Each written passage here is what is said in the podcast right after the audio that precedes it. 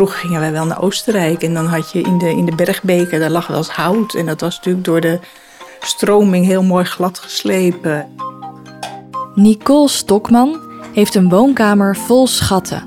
Ja, dat zag er dan zo mooi uit. Ging als een stukje mee naar huis natuurlijk. Edelstenen, fossielen en mooie stukjes hout liggen hier overal uitgestald. Het trok me aan. In haar tuin staat een grote werkbank waarop Nicole voorwerpen maakt van zelf gesnoeid en verzameld hout. Krachtvoorwerpen, zoals amuletten en talismannen en rammelaars. Ratels noemt ze ze zelf. Het lijken een soort grote sambaballen, maar dan heel mooi versierd. Als je een ratel maakt, dan heb je in mijn geval een kalebas nodig. Uh, nee, ja. maar die kalebas rammelt al. Ja, hier zitten wat losse zaadjes in. Deze zitten allemaal nog vast. En dan haal ik de steel eraf, die zaag ik eraf en dan haal ik hem helemaal leeg. En dan maak ik aan de bovenkant ook een gat. Op vakkundige wijze tovert ze van een boomtak en een gedroogde kalebas. En als schat er dan in zit. Een prachtig versierd instrument om mee te schudden. Even kijken, waar is die? Deze. Gutsen en uh, zo'n groot ding. En daar sla je mee op de gutsen. Ik weet even een andere nemen. Dan pakt ze wat grote plastic zakken. Dan gaan de zaden in. En dan hou ik de kalebas horizontaal. Mosterdzaad bijvoorbeeld vind ik heel fijn uh, om, om, qua geluid. Ook deze rammelaars hebben een magische kracht. De ratels worden over het algemeen wel gebruikt voor ceremonieel werk, shamanistisch werk. Allerlei stromingen gebruiken ze.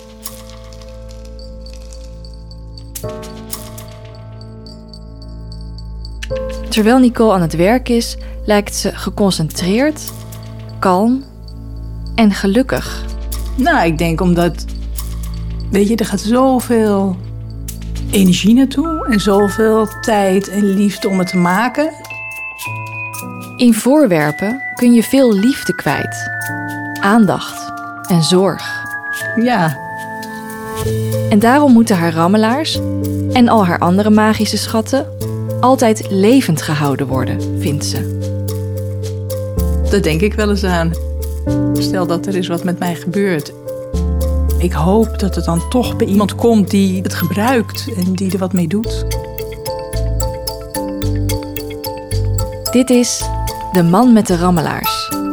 Een podcast van het Joods Museum. En ik ben Lotte.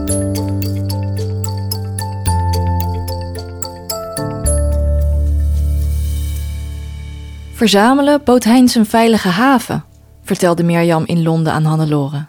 Heinz trok zich steeds verder terug tussen de rammelaars. Uh, hij wilde zich nuttig maken, maar het lukte hem niet meer in het professionele leven, in de handel. dat heeft hij geprobeerd met enig succes natuurlijk. Daar heeft hij ook wel wat kapitaal mee verdiend, een paar jaar. En toen nam, ja, nam, namen zijn geestelijke wonden het eigenlijk over. En zodra hij met zijn werk stopt, gaan de rammelaars een grotere rol innemen. Er ontstaat eigenlijk gewoon een nieuwe carrière.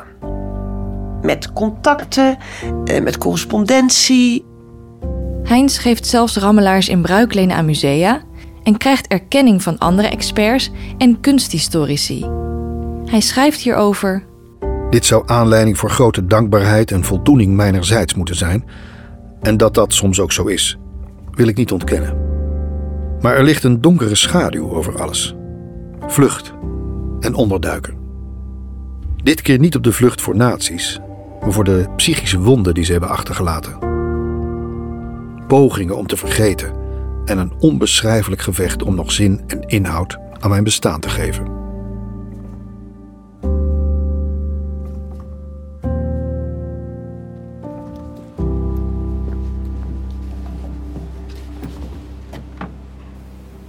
Door de teksten van Heinz zie ik hem na de oorlog als een zwaar getraumatiseerde man, voor wie zijn verzameling als een reddingsboei is.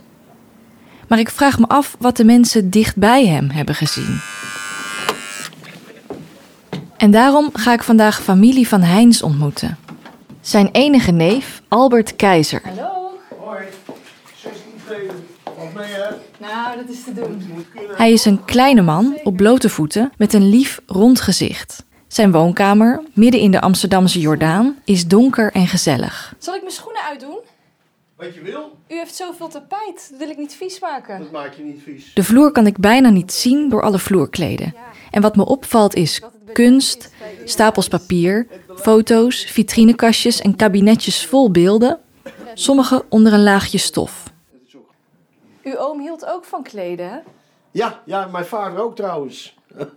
We gaan zitten aan een tafel, waar ook de tv staat. Want Albert is een tafelzitter, zegt hij. Hij draait een checkie. Nou, Heinz was dus eh, de broer van mijn vader.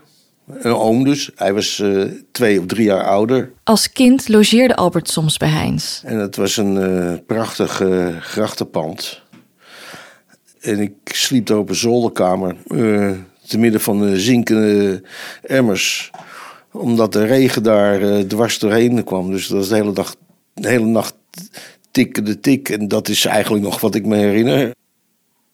Nou, het was een hartelijke, zeer gastvrije eh, man. En eh, hij nam me overal mee naartoe in de stad. In die eh, eind 50 jaren, denk ik. En zo. Ja, ja. Waar nam die je dan mee naartoe? Musea en dergelijke. Kijken, vertellen, dit en dat, enzovoort, enzovoort. Hij deed aan eh, eh, kennisoverdracht. eh, zo moet je dat zien. Het was eh, heel interessant altijd, ja. Ik kreeg al eh, heel vroeg eh, een beetje kunstzinnige cadeaus van hem. Ik kreeg onder andere de UNESCO-kalender. Een mooie zwart-wit kalender. Elke maand een eh, schitterende foto. En later ook nog eh, boeken over Egyptische cultuur en dergelijke. Daar was hij heel erg mee bezig. En dat probeerde hij hem ook wel, eh, wel door te geven, ja. Zijn interesse in kunst- en cultuurgeschiedenis zag je terug in zijn huis. Niet alleen door de rammelaars die hij verzamelde. Heinz had nog meer bijzondere objecten in zijn woonkamer staan. Zoals antieke spuugkommen, bijzonder zilverwerk en heel veel spullen met de afbeelding van een granaatappel erop. En die granaatappels hadden alles te maken met de rammelaars. Als hij eigenlijk ontdekt dat er heel veel soorten rammelaars zijn, gaat hij een beetje iets lezen over de geschiedenis van de rammelaar. En heel snel. De eerste rammelaar was een gedroogde granaatappel, leest hij, waarvan de pitjes eenmaal hard geworden een rammelend geluid maken tegen de schil. Hij gaat op zoek naar een verband tussen die granaatappel en de magische functie van de rammelaar. En hij vindt zijn antwoord in de Tenach, het Oude Testament. Daar leest hij dat de hoge priester een speciaal bovenkleed moet dragen om zich te beschermen als hij het heiligdom van de tabernakel betreedt. En aan dat bovenkleed moeten afwisselend belletjes en ornamentjes van granaatappeltjes hangen, opdat hij niet zal sterven. Op deze passage baseert Heinz een hele eigen theorie. Hij nam dus aan dat eigenlijk dat, dat zijn doorwerking had eh, gevonden naar granaatappelvormige rammelaars met belletjes als bescherming van kinderen. Dat, dat is in de notendop zijn theorie. In deze theorie lijkt alles samen te komen. De Joodse identiteit van Heinz, het thema vruchtbaarheid en de bescherming van baby's, en het verjagen van boze geesten, wat een rammelaar blijkbaar kan. Het ging altijd over de verzameling. Gelukkig ontmoet Heinz mensen die zijn verhalen over rammelaars ook interessant vinden. Hij zei zo vaak: Ik ben zo blij dat jullie er zijn, want jullie zijn de enige met wie ik over mijn collectie gewoon kan praten. Eh, andere mensen haakten af op een gegeven moment. Dit is Henny Reese. Henny heeft lichtblonde krulletjes die haar gezicht omlijsten. Even kijken hoor. Ja, gaan we even rondlopen. Vooral de vitrinekast. En kijk naar het. Haar woonkamer is gezellig ingericht met antieke meubels. Het ruikt er naar parfum en sigaretten. Wij stonden op een antiekmarkt op de Nieuwmarkt in Amsterdam. Dat moet ongeveer 1975 geweest zijn. En wij verkochten daar antiek en curiosa. En toen kwam er een meneer aan de kraam. Die meneer sprak Nederlands, maar hij had een behoorlijk zwaar Duits accent. Het was een kleine man met een snor, vriendelijk gezicht. Ik dacht dat hij eh, ongeveer 65 was, 70, zoiets. Hij kwam uiteindelijk elke week. Heinz vertelt al snel over zijn verzameling. En toen zei hij tegen ons: Als jullie zin hebben, dan uh, kunnen jullie wel eens bij mij langskomen als jullie klaar zijn met de markt. En dan zal ik jullie wat laten zien. En toen zijn we naar de Prinsengracht 21 gereden. Stonden daar op die hoge stoep en belden aan. En die bel die klonk door de hele gang. En heel spannend was dat. Heinz doet open en stelt zich voor als Hein.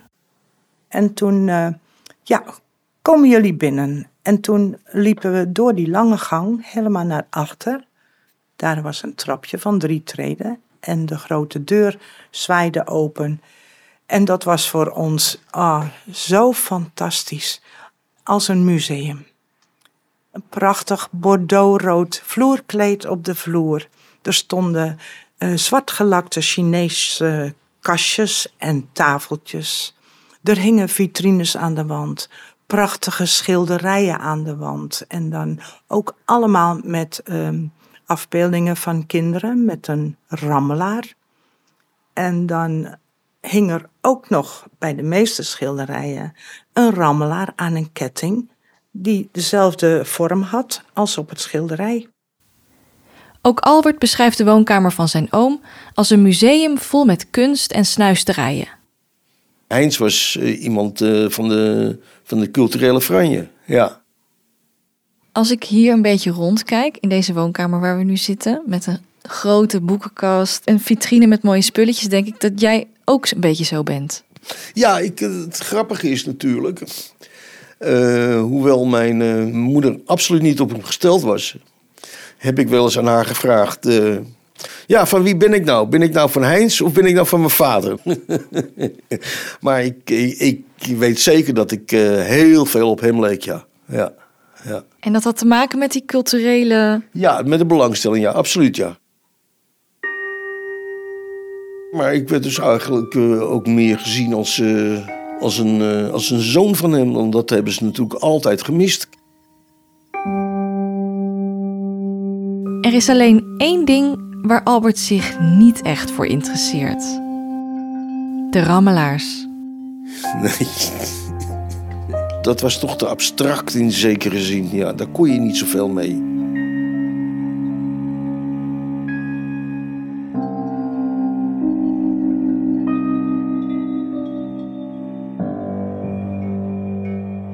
Dat Heinz zijn neef als een zoon beschouwde, betekent niet dat hij hem ook maar iets over zijn eigen levensloop vertelde. En dat hij Albert graag cultuurhistorische kennis bijbracht, betekent niet dat het ooit over het recente verleden ging. Albert heeft nooit iets geweten over het leven van Heinz voor de oorlog, over zijn vlucht naar Nederland, over de onderduik. En ook de vader en moeder van Albert, Heinz broer en zijn vrouw dus, hebben nooit over hun ervaringen verteld. Nee, niks. Ik weet van niks. Het is zelfs nog sterker. Albert die werd geboren twee jaar na de bevrijding, heeft als kind nooit geweten dat er in Nederland überhaupt een oorlog was geweest. Ik merkte dat pas uh,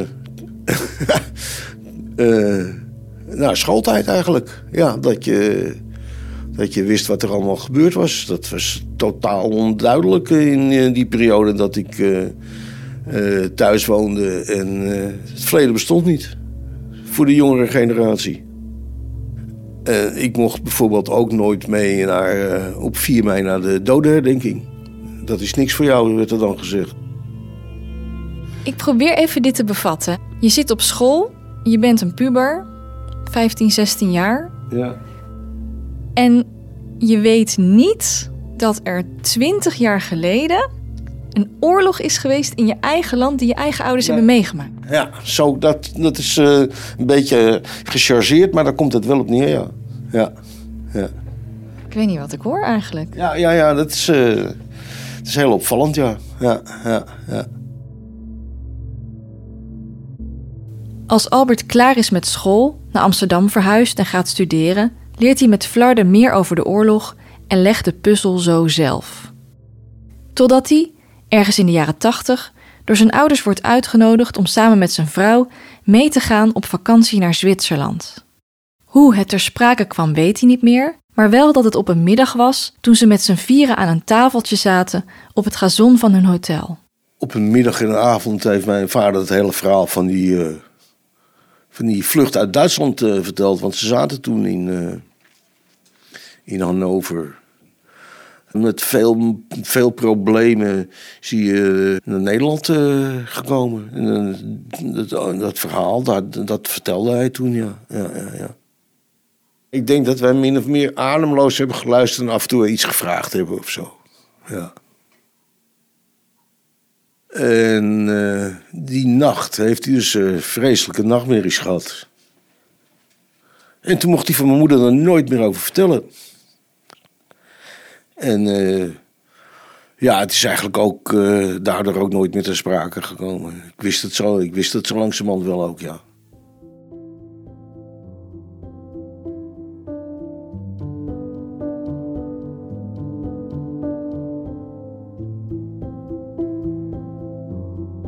Hoewel ik het in eerste instantie ongelooflijk vind dat er over het verleden gezwegen werd, begin ik het idee te krijgen dat het voor Heinz en zijn broer de enige optie was. Dat er voor het zwijgen geen alternatief bestond. Wat misschien in de buurt komt van een alternatief zijn de teksten die Heinz heeft opgeschreven. Maar ook daarin beweegt hij behoedzaam om de allerpijnlijkste episodes heen. Hij schetst de arrestaties, de onderduik, de abortus en de miskraam, de vrienden en familieleden die zijn vermoord, in contouren. Vaak benoemt hij niet de kern, maar wat er omheen bestond. En beschrijft hij liever dan de pijn zelf het zwijgen over de pijn. Sinds jaren leven Eva en ik langs elkaar heen. Er wordt over alles gepraat wat niet belangrijk is en over alles gezwegen wat van belang is. In 1963 gingen we voor het eerst apart op vakantie. Eva ging met de reisvereniging naar de bergen en maakte wandelingen door de natuur. Ik reisde naar Londen, op zoek naar rammelaars. Bezocht de Brownsbergs en ging met Hannelore en Suzanne naar het ballet in Covent Garden. Ik bezocht de bibliotheek van het Warburgs Instituut en musea en was in Londen net zo eenzaam als Eva in het bergwoud met het reisgezelschap. Terug in Amsterdam. Sinds jaren geen liefdevolle kus. Sinds bijna een jaar geen gemeenschap.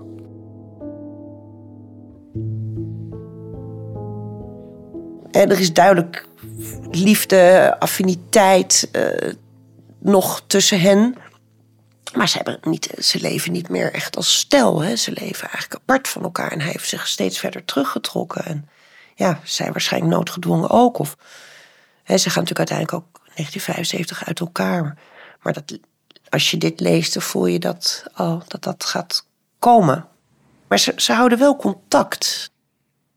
In de periode dat Heinz en Eva praktisch gescheiden leven, is Henny met haar gezin een vaste gast bij Heinz thuis. Hein hield veel van onze kinderen. Ik merkte ook dat hij altijd wel behoefte had om de kinderen dingen te leren en bij te brengen. En uh, als er eens iets speciaals te doen was in Amsterdam, wat een klein beetje verband hield met rammelaars, dan belde hij op en dan zei hij dat we moesten komen in het weekend, want dan ging hij ons meenemen om dingen te laten zien. Zo neemt Heinz het gezin mee naar het Rijksmuseum, waar een tentoonstelling is over kinderportretten. Dan was er ook weer altijd een rammelaar dat schilderij afgebeeld. En dan vertelde hij dat het rammelde om de boze geesten weg te jagen. Boze geesten waren uit op jongetjes. De persoonlijke verhalen, als ik nu zo terugdenk, die kwamen naar boven als ik eens alleen bij hem was. Over de oorlog, over zijn onderduiktijd met Eva samen. Toen heeft hij ook verteld dat Eva zwanger was geweest en dat de zwangerschap moest afgebroken worden. Heinz vertelde hier kort over, zonder details. Ik heb ook niet veel vragen gesteld. Um, Ik voelde wel dat de pijn. En dat wil je iemand niet aandoen, daar wil je niet in graven. Hè? Eén bezoek herinnert Henny zich nog goed. Ik zie ons nog in, in zijn kamer zitten. Ik weet nog dat hij uh, was nogal boos over Eva. En in die tijd heette het dus dat Eva verhuisd was. En, en hij werd boos tijdens het vertellen. Henny vertelt me hoe Heinz in zijn boosheid verwijten begint te maken over Eva.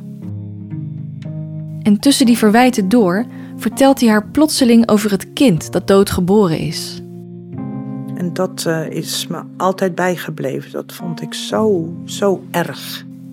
Hoe hij het haar precies vertelde, dat zegt ze wel tegen mij, maar ze wil niet dat ik het opneem. Omdat Eva toch totaal geen schuld had. Het was heel lelijk. Volgens Henny kwam het eruit als boosheid, maar was het eigenlijk verdriet. Omdat hij zo verlangde een kind te hebben. En dat was een zoontje nota bene, zei hij ook nog. Terwijl Heinz naar Henny af en toe ineens openhartig is, begint het met zijn neef Albert steeds meer te botsen. Albert is nu een twintiger en hij komt regelmatig bij Heinz over de vloer. Hij werkt op dat moment als journalist en Heinz wil graag dat Albert hem interviewt over een theorie die hij heeft gevormd. Nou, het was meer een dictaat eigenlijk.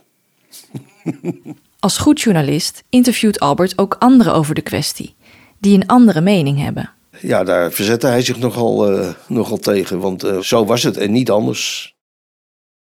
En uh, toen is dus een, een verwijdering ontstaan, kun je zeggen, ja. Het contact bloedde dood.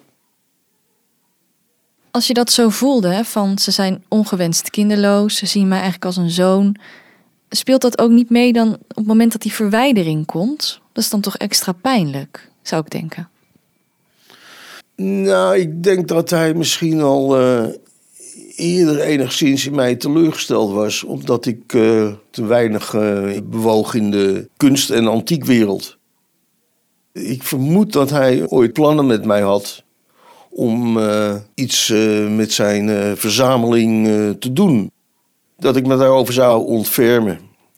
Maar? Nou ja, het, de, de, door de verwijdering is dat er nooit van gekomen. En door, waarschijnlijk ook door gebrek aan mijn interesse is dat nooit gebeurd, nee.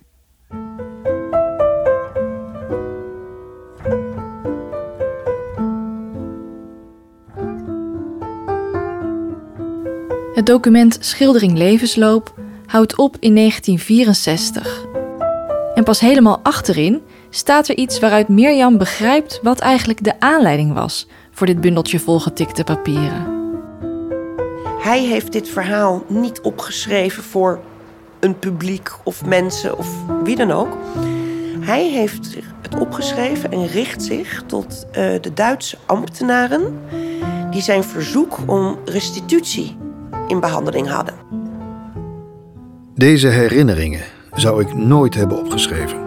Maar mijn advocaat zei, toen hij aan mijn herstelbetalingen werkte en het nodige over de vervolging moest weten: Het lijkt me goed dat we u ook meteen voor gezondheidsschade aanmelden. En zoals je misschien weet, dat waren natuurlijk tergende zaken, hè, die uh, vooral vanaf de jaren 50 speelden. En waarbij ja, je te maken had met een heel onwillig ambtelijk apparaat. Uh, dat met mondjesmaat uh, schade vergoedde. Keizer is daar een beroep op gaan doen. Ik ben niet in het concentratiekamp geweest en daar lam geslagen. Er moesten bij mij geen bevroren ledematen geamputeerd worden. Ik ben ook niet gesteriliseerd. Maar het resultaat is hetzelfde. Of men het wil geloven of niet. Voor de restitutiezaak, die hem uiteindelijk een schamele vergoeding opleverde, is de tekst veel te uitgebreid. Dus een advocaat maakt een korte samenvatting en de lange tekst verdwijnt in het archief. Behalve door de advocaat is het door niemand gelezen.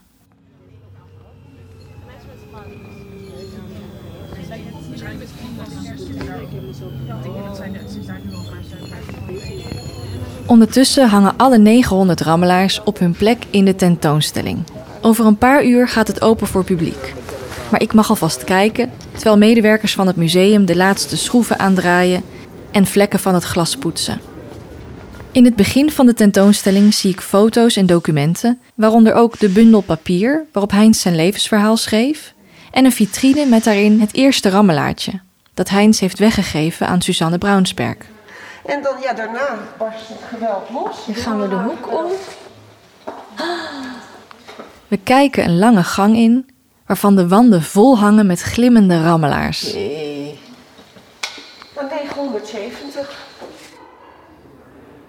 Ja, het is jammer dat hij het zelf niet meemaakt. Maar dit is natuurlijk wel wat hij had gehoopt en gewenst. Hij wilde iets nalaten. En dit is wat hij heeft nagelaten. Dat zijn nalatenschap nu eindelijk aan de wereld wordt getoond, is natuurlijk geweldig.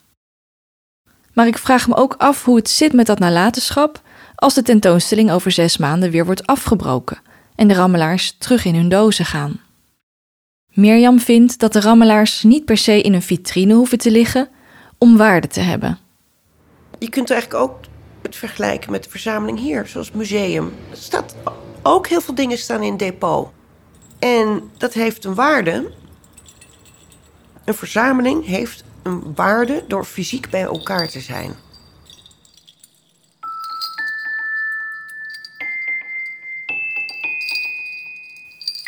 Door fysiek bij elkaar te zijn, heeft een verzameling waarde. En ook een verzamelaar heeft zijn schatten het liefst dicht om zich heen. Ik heb er natuurlijk vaak aan gedacht, zou hij zich bewust zijn geweest dat hij zich eigenlijk met één groot amulet in zijn huis heeft omgeven. Iedereen doet het. Je ziet het overal ter wereld. Mensen hebben behoefte uh, aan houvast om zichzelf te redden. Een amulet of een steentje. Ik zou het een logische gedachte vinden dat dat een rol bij hem speelde. Hè? Als je zelf zoveel verloren hebt, ook nog een kind uh, verloren. En dan is er dat magische kinderspeeltje, wat, wat, wat die bescherming tegen het kwaad zou bieden. Dan denk ik, ja, dat zal toch ook een betekenis voor me hebben gehad.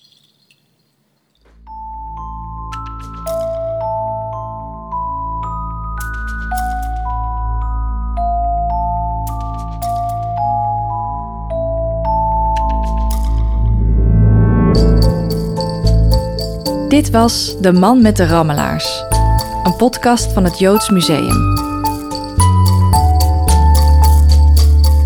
Opname en montage door mij, Lotte van Galen.